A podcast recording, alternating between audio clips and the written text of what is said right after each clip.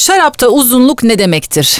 Ee, şarabın en havalı terimlerinden bir tanesi uzunluk, bitiş. Şarapta uzunluk ya da bitiş dediğimiz şey genellikle alkolün, asitin ve tanenin uzunluğuymuş gibi konuşulur ama doğru olan bu değildir. Şarapta tat dediğimiz şey biliyorsunuz sadece e, acı, tatlı, ekşi, tuzlu değildir. Aynı zamanda aromalarda tadın en önemli bileşenidir.